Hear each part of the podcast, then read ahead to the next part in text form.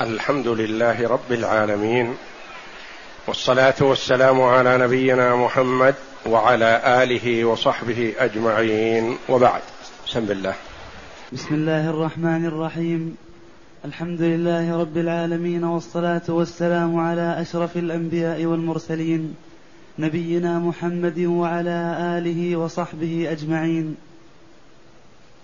قال المؤلف رحمه الله تعالى عن عائشة رضي الله عنها قالت كان رسول الله صلى الله عليه وسلم إذا اغتسل من الجنابة غسل يديه ثم توضأ وضوءه للصلاة ثم يخلل بيديه شعره حتى إذا ظن أنه قد أروى بشرته أفاض عليه الماء ثلاث مرات ثم غسل سائر جسده. وقالت كنت أغتسل أنا ورسول الله صلى الله عليه وسلم من إناء واحد.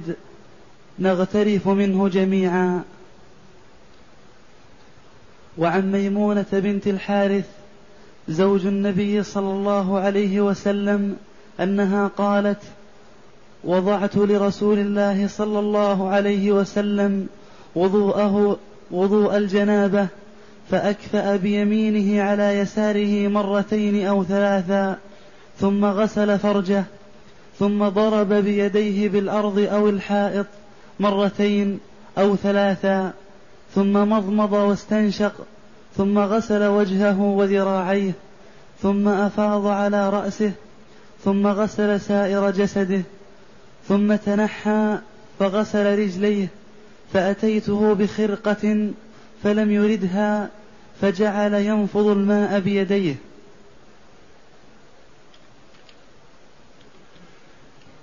هذان الحديثان عن أمي المؤمنين عائشة وميمونة رضي الله عنهما يصفان وضوء النبي صلى الله عليه وسلم واغتساله للجنابة. ومن لطف الله جل وعلا بعباده ورحمته بهم أن هيأ لرسوله صلى الله عليه وسلم من أمهات المؤمنين من ينقلن أعماله في البيت لتطلع الأمة على صفة عمل النبي صلى الله عليه وسلم وتقربه إلى الله جل وعلا وعبادته التي لا يطلع عليها الرجال. ولعل من الحكمة من تعدد زوجات رسول الله صلى الله عليه وسلم لينقلن للأمة عمله في البيت وهن يختلفن ويتفاوتن رضي الله عنهن في الفقه والعلم.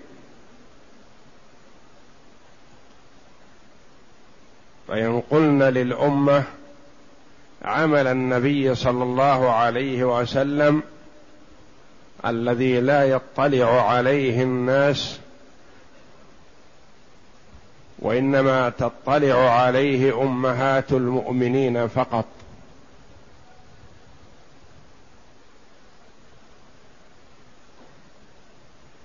ولتعدد زوجاته صلى الله عليه وسلم أكثر من الأمة حكم ومصالح عظيمة. منها هذا النقل ومنها مصاهرته لعدد من أحياء العرب ومن القبائل ليكونوا معه صلى الله عليه وسلم دفاعا عن الإسلام وأهله.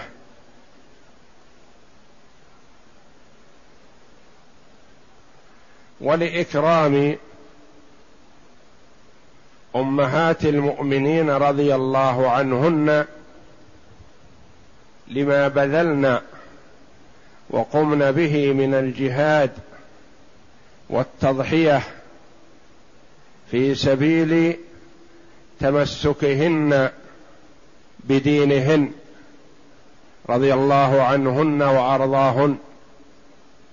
فمنهن المهاجرة إلى الحبشة ومنهن من هاجرت إلى المدينة وتوفي زوجها هناك وأصبحت صابرة مصابرة مجاهدة في سبيل الله من أجل التمسك بدينها. فأكرمهن الله جل وعلا بأن جعلهن أمهات المؤمنين.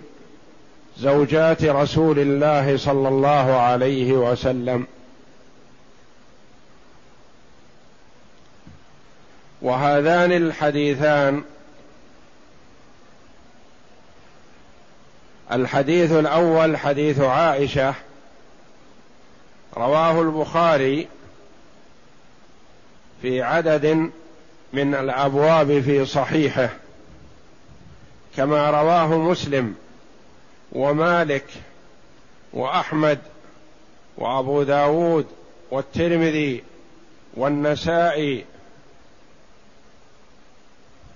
وابن ماجه والدارمي وابن خزيمة وابن حبان وابن الجارود والحميدي وأبو عوانة والبيهقي والبغوي والشافعي وابن أبي شيبة وعبد الرزاق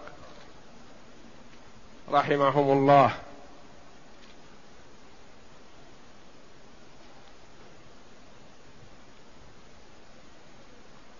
وحديث ميمونة رواه البخاري في عدد من الأبواب في صحيحه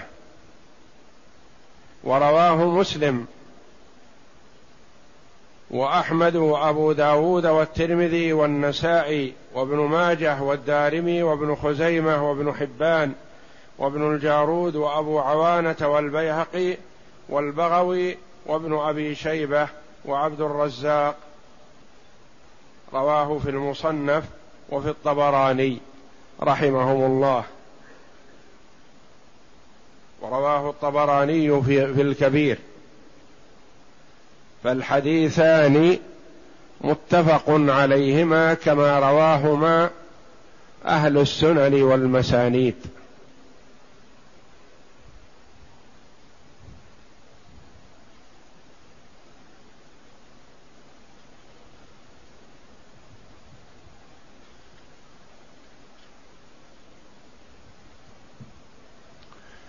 والحديثان يصفان كيفية غسل النبي صلى الله عليه وسلم من الجنابة. تقول عائشة رضي الله عنها كان رسول الله صلى الله عليه وسلم إذا اغتسل من الجنابة. كان هذه الكلمة تدل على استمرار الفعل. يعني كان من عادته إذا أراد الاغتسال من الجنابة هذه الصفة.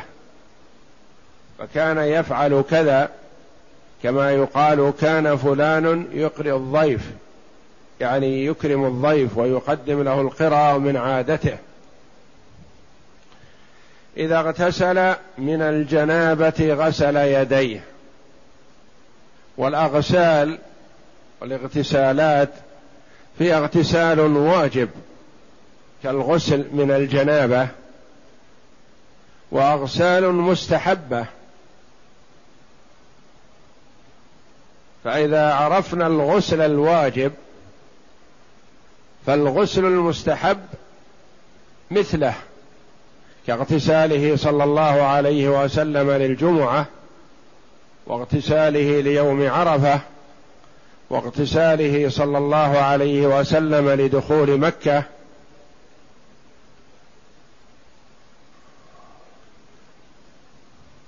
فهذه اغتسالات مستحبة وغسل الجنابة غسل واجب. إذا اغتسل من الجنابة غسل يديه. هذا اولا. يغسل يديه لأجل أن يزيل ما عليهما من أثر وإن لم يكن عليهما أثر فليتأكد بذلك من طهارتهما قبل إدخالهما في الإناء. غسل يديه. ثم توضأ وضوءه للصلاة. أجملت رضي الله عنها. ومن المعلوم أن من أراد أن يتوضأ للصلاة بعد الجنابة يغسل فرجه اولا. ثم معلوم الوضوء للصلاة المضمضة والاستنشاق وغسل الوجه وغسل اليدين إلى المرفقين ومسح الرأس ومعه الأذنان وغسل الرجلين إلى الكعبين. تقول رضي الله عنها ثم توضأ وضوءه للصلاة. يعني فعل في وضوءه كما يفعل إذا أراد أن يصلي. ثم يخلل بيديه شعره حتى إذا ظن أنه قد أروى بشرته أفاض عليه الماء ثلاث مرات.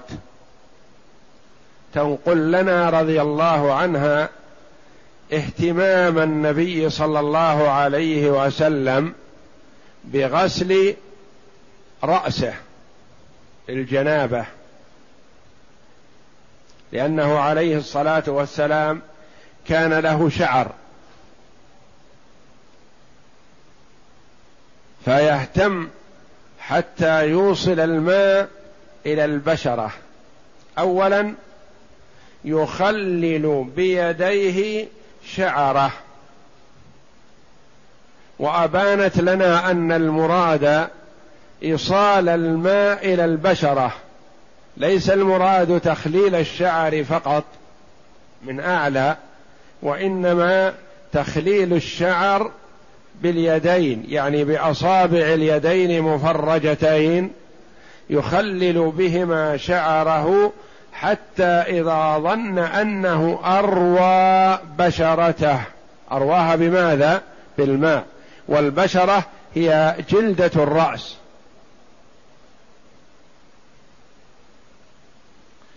أروى بشرته أفاض الماء ثلاث مرات. يعني بلغ الماء الجلدة البشرة ثم غسل الشعر ثلاث مرات. بينما في البدن مرة واحدة. لأن الشعر يستر بعضه بعضا فلا يتبلغ بالماء بغسلة واحدة.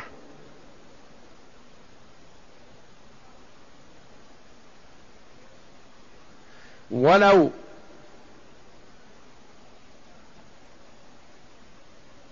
غسل شعره اولا رأسه ما وصل الماء إلى البشرة وإنما يوصل الماء إلى البشرة اولا ثم يغسل شعره. حتى إذا ظن وكلمة ظن تدل على أنه يكفي غلبة الظن في العبادة. لأنه لا يستطيع في هذه الحال أن يجزم بأن كل بشرته شملها الماء قد يكون بعض الشعر لاصق على بعض البشرة فمنع وصول الماء. قد يوجد هذا قد يكون. ولذا قالت رضي الله عنها حتى إذا ظن. والظن هو توقع الشيء مع رجحانه.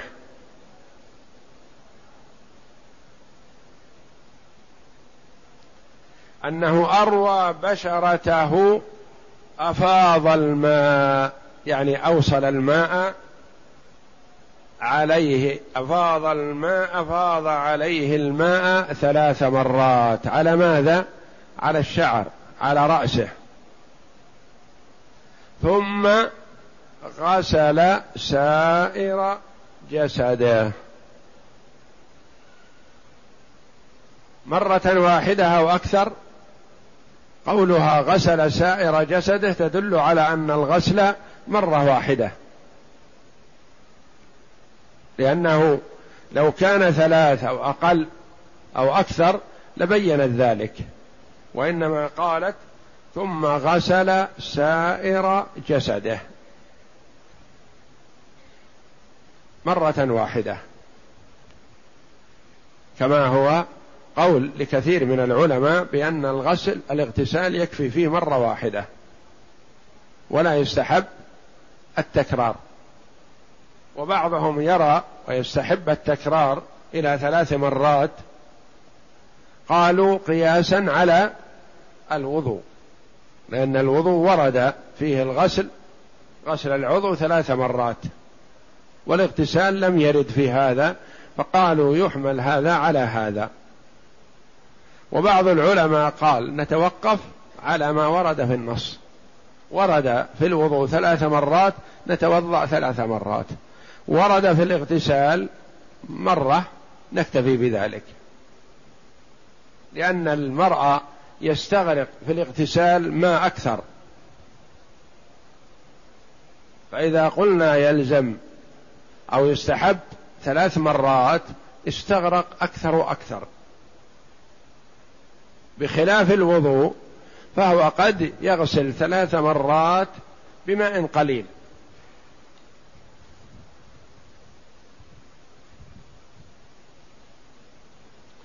ثم غسل سائر جسده يعني بقية جسده. وكأنه صلى الله عليه وسلم اعتنى برأسه أكثر لوجود الشعر ليتيقن وصول الماء.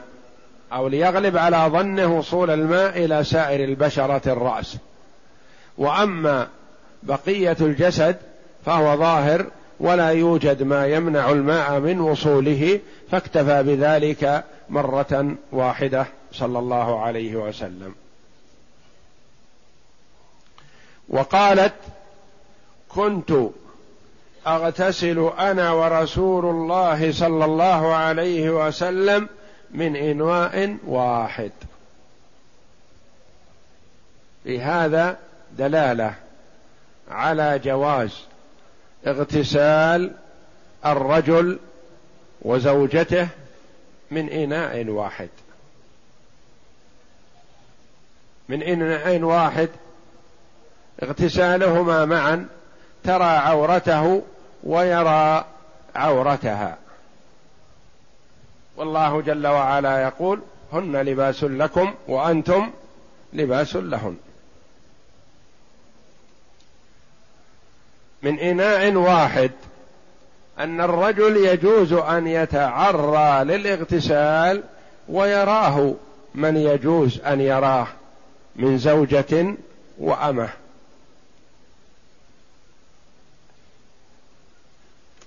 نغترف منه جميعا. يجوز أن يغتسل الرجل بفضل اغتسال المرأة. لأنهم يغترفون جميعا. يغترف صلى الله عليه وسلم ثم تغترف هي. ثم يغترف هو. فاغترف هو الغرفة الثانية بعد غرفتها الأولى. نغترف منه جميعا. وورد أنهم يغتسلون في هذا الإناء الذي هو إناء ويسمى تور أنه يتسع لثلاثة أصواع من الماء. وكان النبي صلى الله عليه وسلم يتوضأ بالمد ويغتسل بالصاع. مع هذا التبليغ ما كان يسرف في الماء ولا يكثر. صاع فقط. والصاع أربعة أمداد والمد بحفنة يدي الرجل معتدل الخلقة الذي ليس بصغيرة يديه ولا بكبيرة.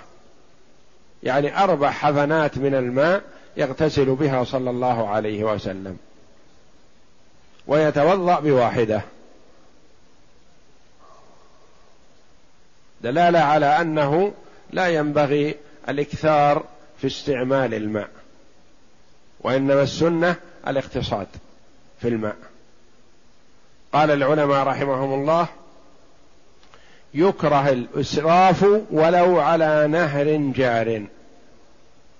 يعني لو أنك على جال النهر ولا يتضرر النهر من كثرة ما تستعمل لأنه يعود إليه ماؤه.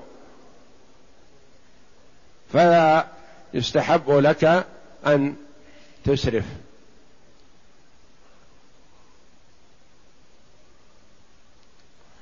نغترف منه جميعا. يعني فهمنا من هذا أنه ليس كان عليه الصلاة والسلام يغتسل فإذا انتهى جاءت واغتسلت منه. وإنما يغترفون منه جميعا. ورد في بعض الأحاديث الروايات انها أنها تقول دع لي دع لي. وفي رواية أنه صلى الله عليه وسلم كان يقول دعي لي دعي لي وتقول دع لي دع لي. يعني يتسابقون إلى غرف الماء صلى الله عليه وسلم ورضي الله عنها.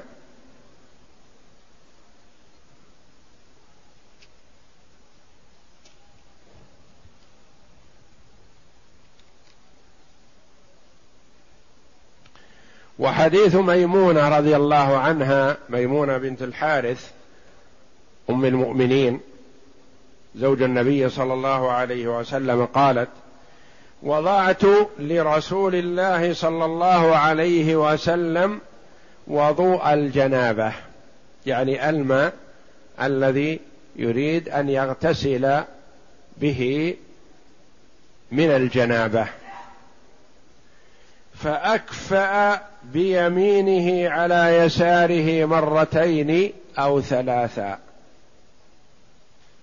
فأكفأ أكفأ الإناء.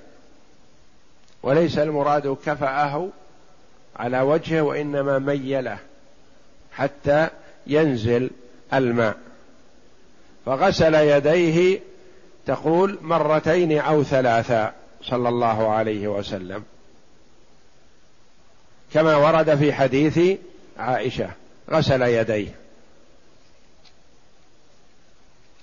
في حديث عائشة غسل يديه ولم تذكر العدد. وحديث ميمونة تقول مرتين أو ثلاثا دلالة على أن غسل اليدين يكفي فيه مرة. والاثنتان أفضل والثلاث أفضل. ولا يزيد عن الثلاث لأنه لم يرد أنه صلى الله عليه وسلم غسل أكثر من ثلاث. ثم غسل فرجه.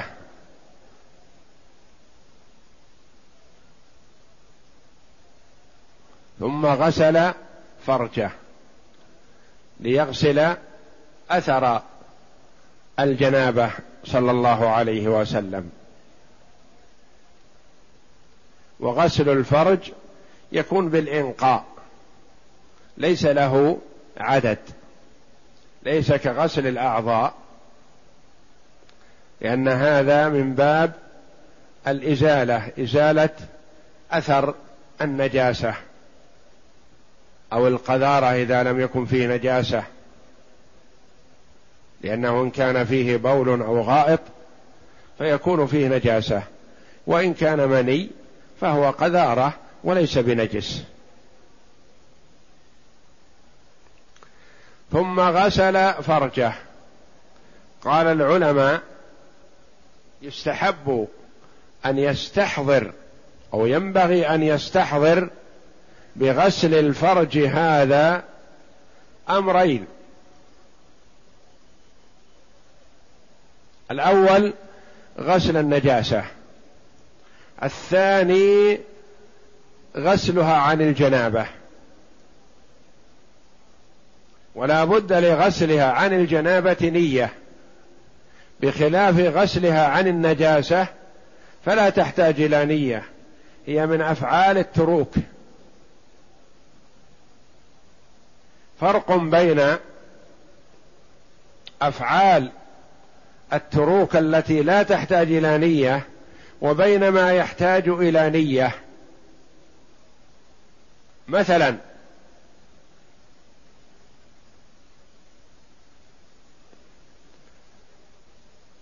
القبل عليه نجاسة. الرجل نائم زوجته غسلت أثر النجاسة هذا وهو لا يزال على نومه. ذهبت النجاسة ولا باقية؟ ذهبت. زوجته أرادت أن تغسل هذا الجزء عن الجنابة. وهو نائم لا يزال نائم ترتفع الجنابة؟ لا. ما ترتفع.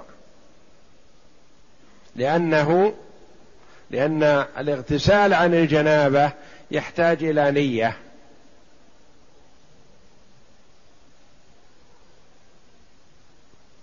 فلا ترتفع الجنابة. مثال آخر شخص على بدنه نجاسة وكان ناعم فنزل المطر على بدنه. بكثرة فأزال أثر النجاسة وهو لا يزال على نومه. هل ذهبت النجاسة أو باقية؟ ذهبت. النجاسة. نجاسة على البدن. نزل المطر فأزالها فطهر عن النجاسة. لكن عليه مع النجاسة عليه جنابة. هل ارتفعت الجنابة بهذا الماء النازل من المطر؟ لا ما ارتفعت. لأن غسل الغسل عن الجنابة يحتاج إلى نية. بخلاف إزالة النجاسة فلا يحتاج إلى نية. إزالة النجاسة سواء كانت في البدن أو بالثوب أو بالأرض. أرض متنجسة فنزل عليها المطر وليس عندها أحد. هل تطهر بهذا الماء؟ نعم تطهر. لأنه لا يحتاج إلى نية. فرق بين إزالة النجاسة وبين رفع الحدث. رفع الحدث يحتاج إلى نية. وإزالة النجاسة لا يلزم له النية. إذا حصل ما يزيل أثر النجاسة.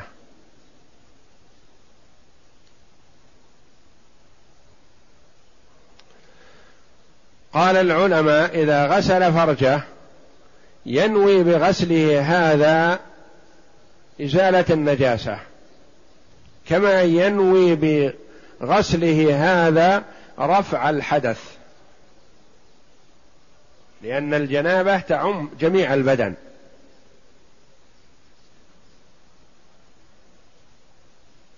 لأنه إذا لم ينوي رفع الحدث للاغتسال احتاج على أن يغسلها فيما بعد. فإن غسلها فيما بعد بعدما يغتسل مثلا ومسها بيده انتقض وضوءه فلا بد أن يتوضأ بعد ذلك. ثم غسل فرجه. ينوي بهذا الغسل إزالة أثر النجاسة مع رفع الحدث. ثم ضرب يده بالأرض أو الحائط مرتين أو ثلاثا. ضرب بيده الأرض أو الحائط. يعني اليد التي مس بها الفرج. ربما علقها شيء من اللزوجة أو من الرائحة رائحة النجاسة. فضربها بالأرض مرتين أو ثلاثا ليزيل ما علق على اليد من لزوجة أو من رائحة كريهة من أثر المني أو البول أو الغائط.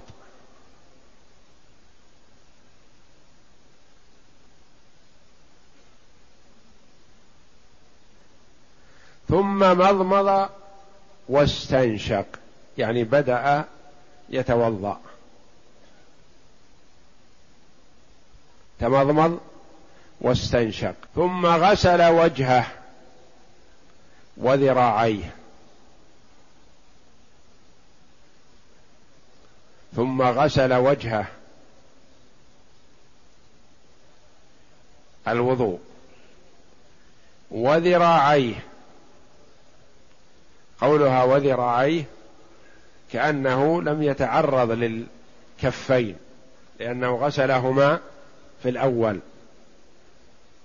ولهذا قال العلماء رحمهم الله من مفهوم هذه الأحاديث أنه لا يلزم الترتيب ولا الموالاة في الغسل من الجنابة.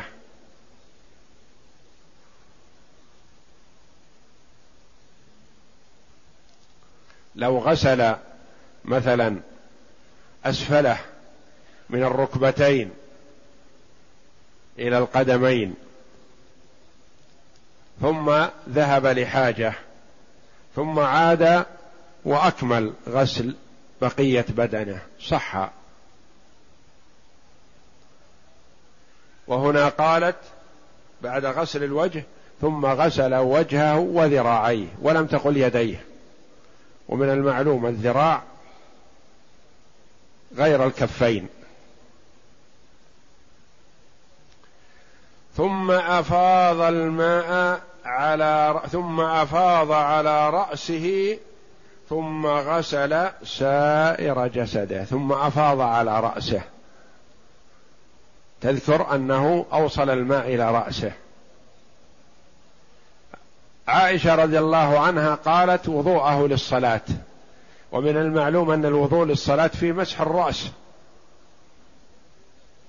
وميمونة هنا لم تذكر مسح الرأس. دليل على أنه يجوز الاكتفاء بغسل الرأس عن مسحه. لأن الغسل مشتمل على المسح وزيادة. فأفاض الماء على رأسه. أوصل الماء إلى رأسه. وعائشة رضي الله عنها وضحت كيف بلغ رأسه الماء. بتخليل الأصابع في الشعر. وميمونة قالت أفاض الماء. قد يؤخذ منه دليل على أن التخليل والمبالغة الزائدة في الرأس ليست بواجبة فإنه أحيانا يفعلها صلى الله عليه وسلم وأحيانا يفيض الماء على سائر على رأسه يبلغ الماء على رأسه ويكفي بذا هذا ولا يخلل.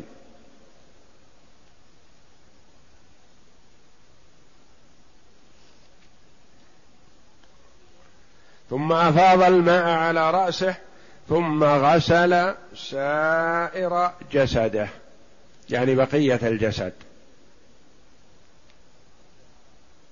وقولها ثم أفاض الماء على رأسه ثم غسل سائر جسده أنه يخصص الرأس وحده كما خصصه في حديث عائشة وفي حديث ميمونة.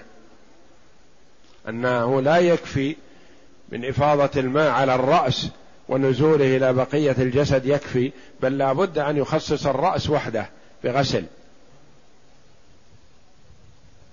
ثم غسل سائر جسده كذلك لم تذكر عدد.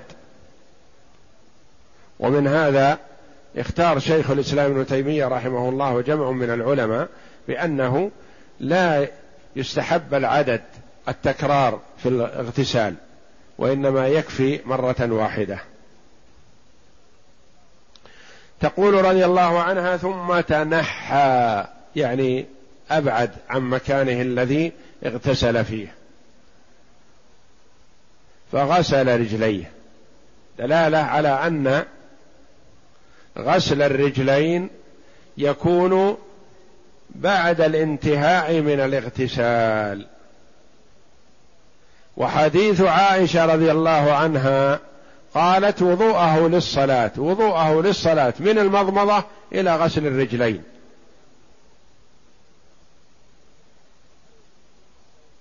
فكيف الجمع بين هذا وهذا؟ نعم نقول هذا تعدد اغتسال. والحال تختلف باختلاف المكان الذي يغتسل فيه.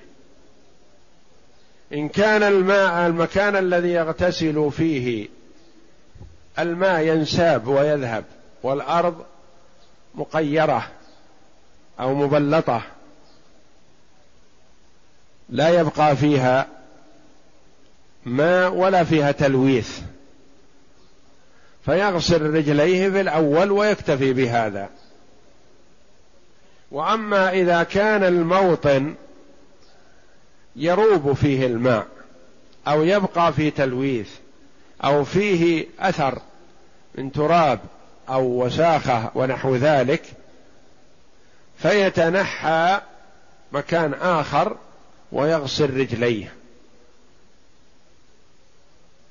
يبدل المكان وينتقل من المكان الذي غسل فيه سائر جسده فيغسل رجليه.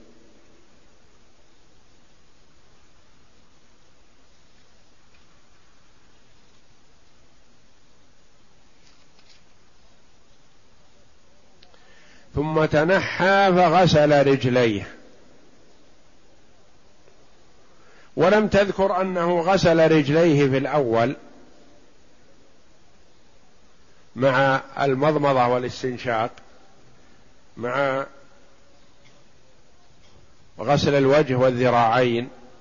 ما ذكرت هذا؟ دليل على أنه أخر غسل الرجلين في الأخير وأنه لا يلزم عند الوضوء إذا كان مع الوضوء اغتسال عن الجنابة لا يلزم الترتيب ولا الموالاة بين الأعضاء. تقول فآتيته بخرقة فلم يردها. أتيته بخرقة ليتنشف بها فلم يأخذها ولم يقبلها.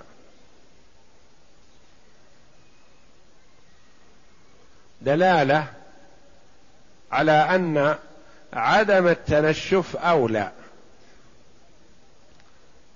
قال بهذا بعض العلماء ليبقى أثر الماء وأثر الطهارة وذلك أثر عبادة.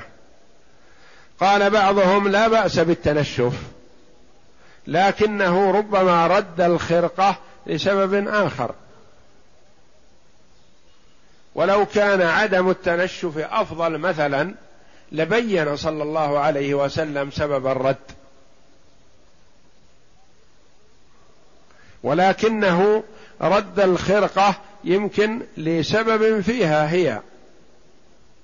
يحتمل أن فيها حرير وهو عليه الصلاة والسلام لا يستعمل الحرير. ويحتمل أنه رأى فيها قذى أو وسخ. فما استساغ أن يتمسح بها ولا بين هذا لميمونة لئلا يكسر خاطرها.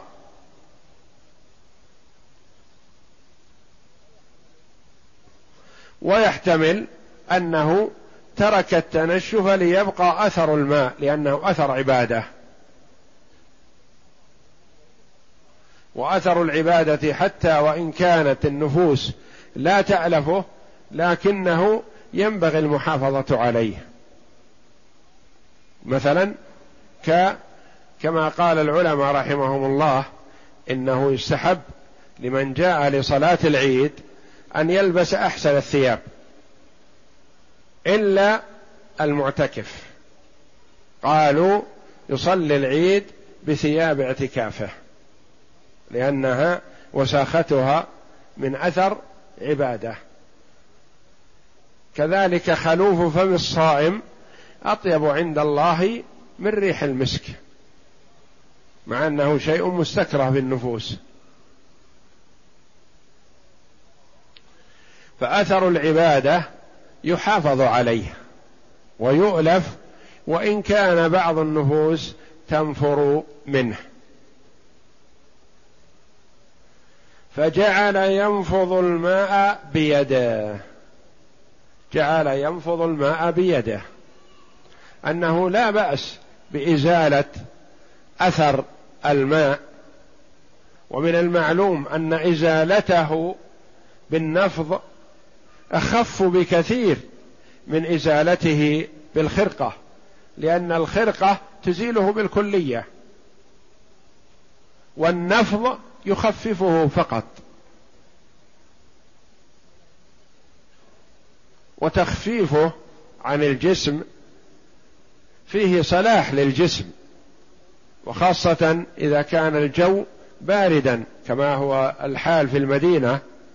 ففي أيام الشتاء يكون الجو باردا شديدا فإذا خرج وعلى الأثر على الجسم أثر الماء أثر ذلك على الجسم برودة وقد يتألم من ذلك. فتخفيف أثر الماء عنه ألطف للجسم وأولى. فهو عليه الصلاة والسلام جعل ينفض الماء بيديه يعني يزيله أثره بيديه هكذا. يمسحه بيديه ومسحه باليد لا يذهبه بالكلية وإنما يخففه بخلاف الخرقة التي هي المنشفة أو المنديل ونحوها. فهي تزيل أثره بالكلية.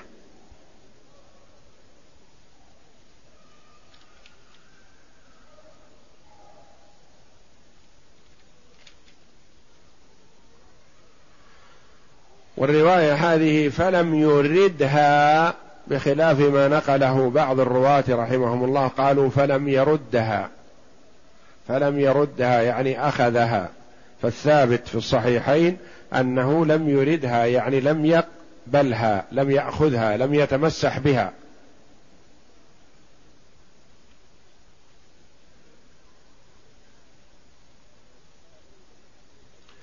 ففي هذين الحديثين الصحيحين بيان لصفة اغتسال النبي صلى الله عليه وسلم. وأنه كما قرر كثير من العلماء رحمهم الله صفة الغسل الكامل أن يغسل يديه اولا ثم يغسل فرجه وما لوثه ثم يتوضأ وضوءه للصلاة. والوضوء للصلاة من المعلوم أنه المستحب ثلاثا ثلاثا ثم يفيض الماء على رأسه اولا خصيصا وحده ثم على سائر جسده. وبعضهم قال على سائر جسده ثلاثا وبعضهم قال مرة واحدة. لأن وليس المراد بغرفة واحدة وإنما بحيث أن كل جزء من أجزاء البشرة يصيبه الماء. فلو جعل لأعلى جسده غرفة مثلا ولأسفله غرفة أو جعل لشقه الأيمن غرفة ولشقه الأيسر غرفة وهكذا على الصفة التي تسهل عليه بحيث أنه يصل الماء إلى جميع بشرته.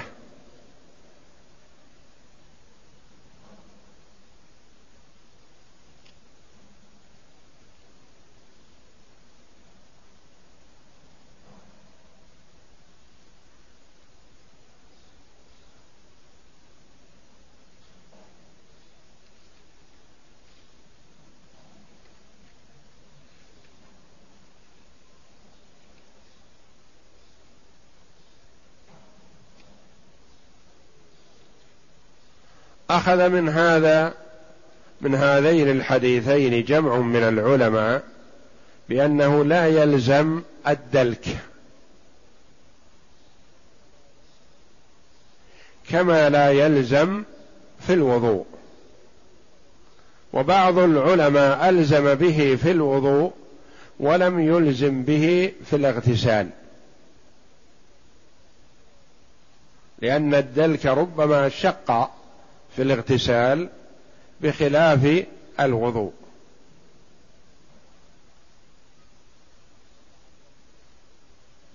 ولعل الدلك من المستحبات في الاغتسال والوضوء. فإذا دلك فحسن وإذا لم يدلك فغسله ووضوءه صحيح. والدلك هو تحريك الماء على العضو باليد. يعني إذا صب الماء بدون دلك كأن يكون الإنسان تحت شيء يصب عليه لو لم يحرك يديه ولا رجليه. والدلك يمر يديه مع الماء ليبلغ ما ينبو عنه الماء. وأن عليه أن يتفقد جسمه بحيث لا يكون فيه شيء يمنع وصول الماء إلى البشرة من عجين وصبغ ونحو ذلك من الأشياء التي تلصق على الجسم فتمنع وصول الماء إلى البشرة. وأن الأصباغ تتفاوت منها ما له جرم فيلزم إزالته. ومنها ما ليس له جرم فلا تلزم إزالته. ومثال هذا وهذا الحنة ليس له جرم في اليدين وفي الشعر ونحو ذلك بخلاف بعض الأصباغ وخاصة ما يسمى بالمناكير. فهذا له جرم الذي تضعه بعض النساء على أظافرهن. هذا له جرم يمنع وصول الماء إلى البشرة فيجب عند الوضوء وعند الغسل إزالته. فعلى المرء ذكرا كان أو أنثى أن يتعهد جسمه وخاصة عند الاغتسال من الجنابة بحيث لا يكون فيه شيء يمنع وصول الماء إلى البشرة سوى الجبيرة. فالجبيرة لها أحكام. إذا مسحها كفى عن غسل ما تحتها إذا وضعت لكسر ونحوه. والله أعلم. وصلى الله وسلم وبارك على عبده ورسول نبينا محمد وعلى آله وصحبه أجمعين.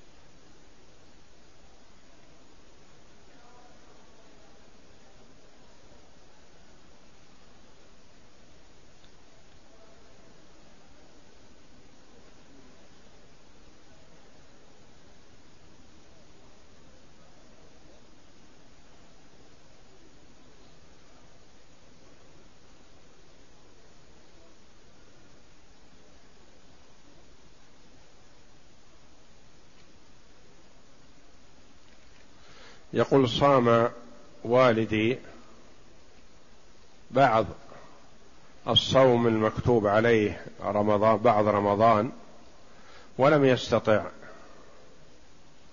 بسبب المرض والكبر من صيام بعض الشهر. ثم أطعم ستة مساكين وتوفي هل يلزم أن أصوم عنه؟ الجواب إذا كان المرء صام بعد رمضان ثم مرض وتوقف عن الصيام أو دخل عليه رمضان وهو مريض فلم يصم.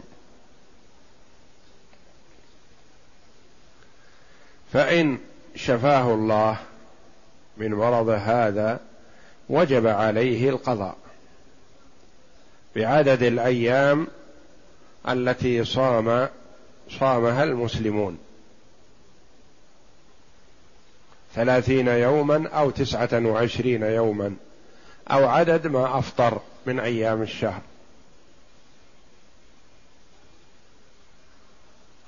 فإن توفي من مرض هذا فلا يلزم إطعام ولا أن يصام عنه لأنه ما فرط وما ترك الواجب إلا لمرضه فلا يلزمه شيء في هذه الحال. إلا إذا تمكن من القضاء ولم يقضي فيلزم أن يطعم عنه أو أن يصوم وليه. مثل دخل عليه رمضان وهو مريض فلم يصم أو صام بعض رمضان. ثم عوفي في شوال وذي القعدة. وقدر على الصيام لكنه لم يصم. ثم مرض في ذي الحجة مثلا ومات. هذا تمكن من القضاء ولم يقضي فيلزم أن يطعم عنه عن كل يوم مسكين أو يصوم عنه وليه. وأما إذا استمر معه المرض حتى مات فلا يلزمه شيء ولا يلزم ورثته أن يصوموا عنه ولا أن يطعموا.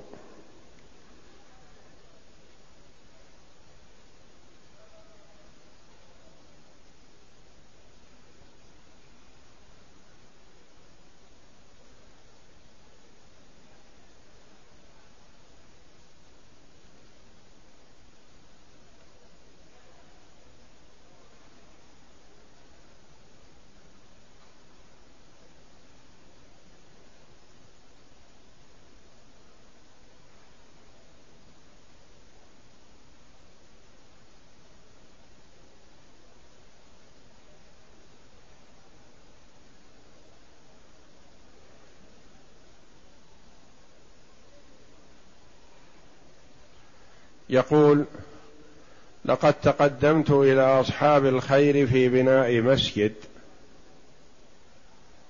فجمعت التبرعات وبنيت المسجد وفضل مال زائد فأخذته قرضا وبنيت لي به بيتا واشتريت سيارة ولكن القصد قرض ولا أريد أن آخذ ريالا واحدا حراما. فهل هذا جائز؟ لا يا أخي هذا ليس بجائز. لأنك أخذت هذا المال وأدخلته على نفسك ولا تدري هل تسدده أو لا. فلا يجوز لك بل عليك أخي أن تسارع في استخراج هذا المال من نفسك وتصرفه في مثله في بناء مسجد أو تعيد الزائد إلى أصحابه إن كان تعرفهم وأعطوك إياه لبناء هذا المسجد بعينه وزاد ترده عليهم. ولا تستقرضه لأنك لا تأمن على نفسك الموت. فقد تموت والمال عندك. وبنيت به بيتا لأولادك وسيارة يبيعونها بعدك. وهي ليست لك ولا لهم. فالواجب الاحتياط في مثل هذا. والحرص على براءة الذمة. وتبادر بإبراء ذمتك فإذا لم تستطع الآن فتشهد على هذا وتكتبه. من أجل ألا يدخل عليك مال ليس لك.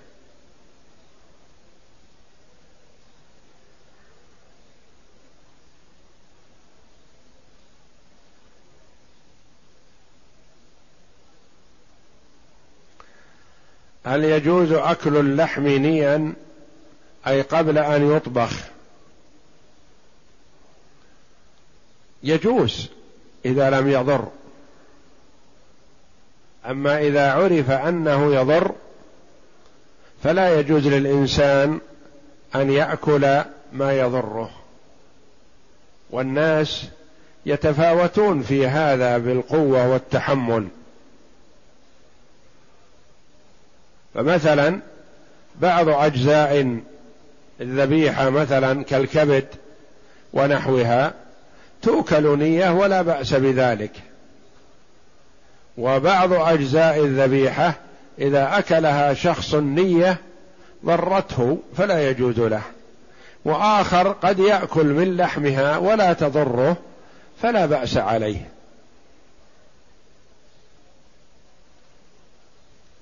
لأنه يحرم على الإنسان أن يستعمل ما فيه ضرر عليه حتى وإن كان مباح وإن كان طاهر. مثل التراب مثلا لا يجوز للإنسان أن يأكل التراب وإن كان طاهرا لأن فيه ضرر.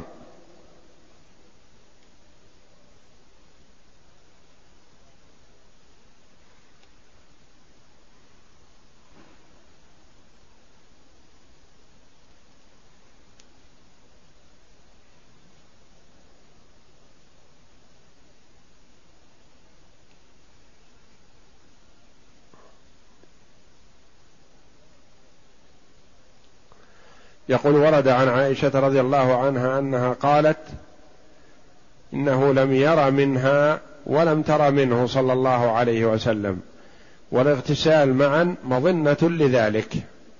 فكيف الجمع بينهما؟ هي رضي الله عنها قالت هذا كنت أغتسل أنا ورسول الله صلى الله عليه وسلم من إناء واحد جوابا لمن سألها هل يرى الزوج عورة زوجته وترى الزوجة عورة زوجها. قالت رضي الله عنها جوابا لهذا كنت أغتسل أنا ورسول الله صلى الله عليه وسلم من إناء واحد. ولعل قولها لم ير مني ولم أر منه يعني تعمدا للرؤية.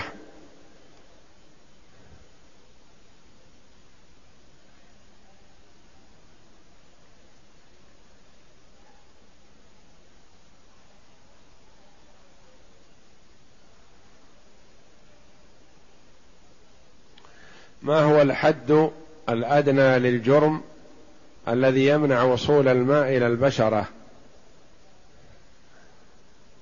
الأشياء تتفاوت في شيء يكون على الجسم ويتخلل الماء منه ونوع يكون على الجسم ولو كان خفيفا يمنع وصول الماء إلى البشرة. مثل بعض قشرة النايل.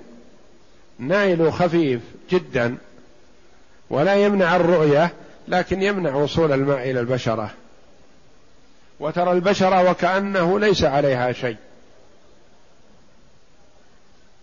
وشيء كبعض العجين أو الطين يتراكم على الجسم ولا يمنع وصول الماء إلى البشرة لأن الماء يتخلله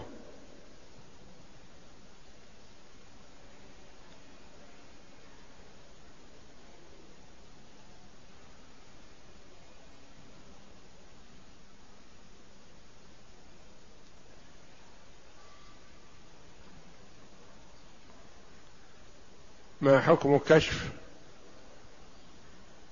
الرجل عورته مع زوجته عند الجماع وعند الغسل لا بأس بذلك.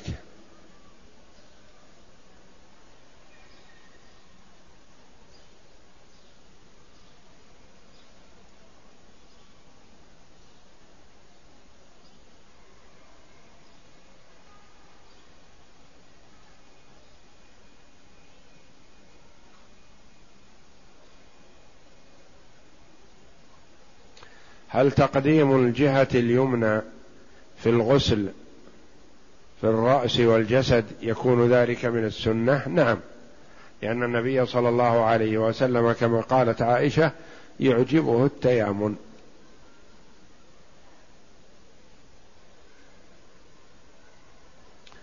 رجل اغتسل غسل الجنابة ومس بشرته بشيء من الصابون فيلزم من ذلك غسل الماء والصابون فلا يعتبر هذا من الإسراف.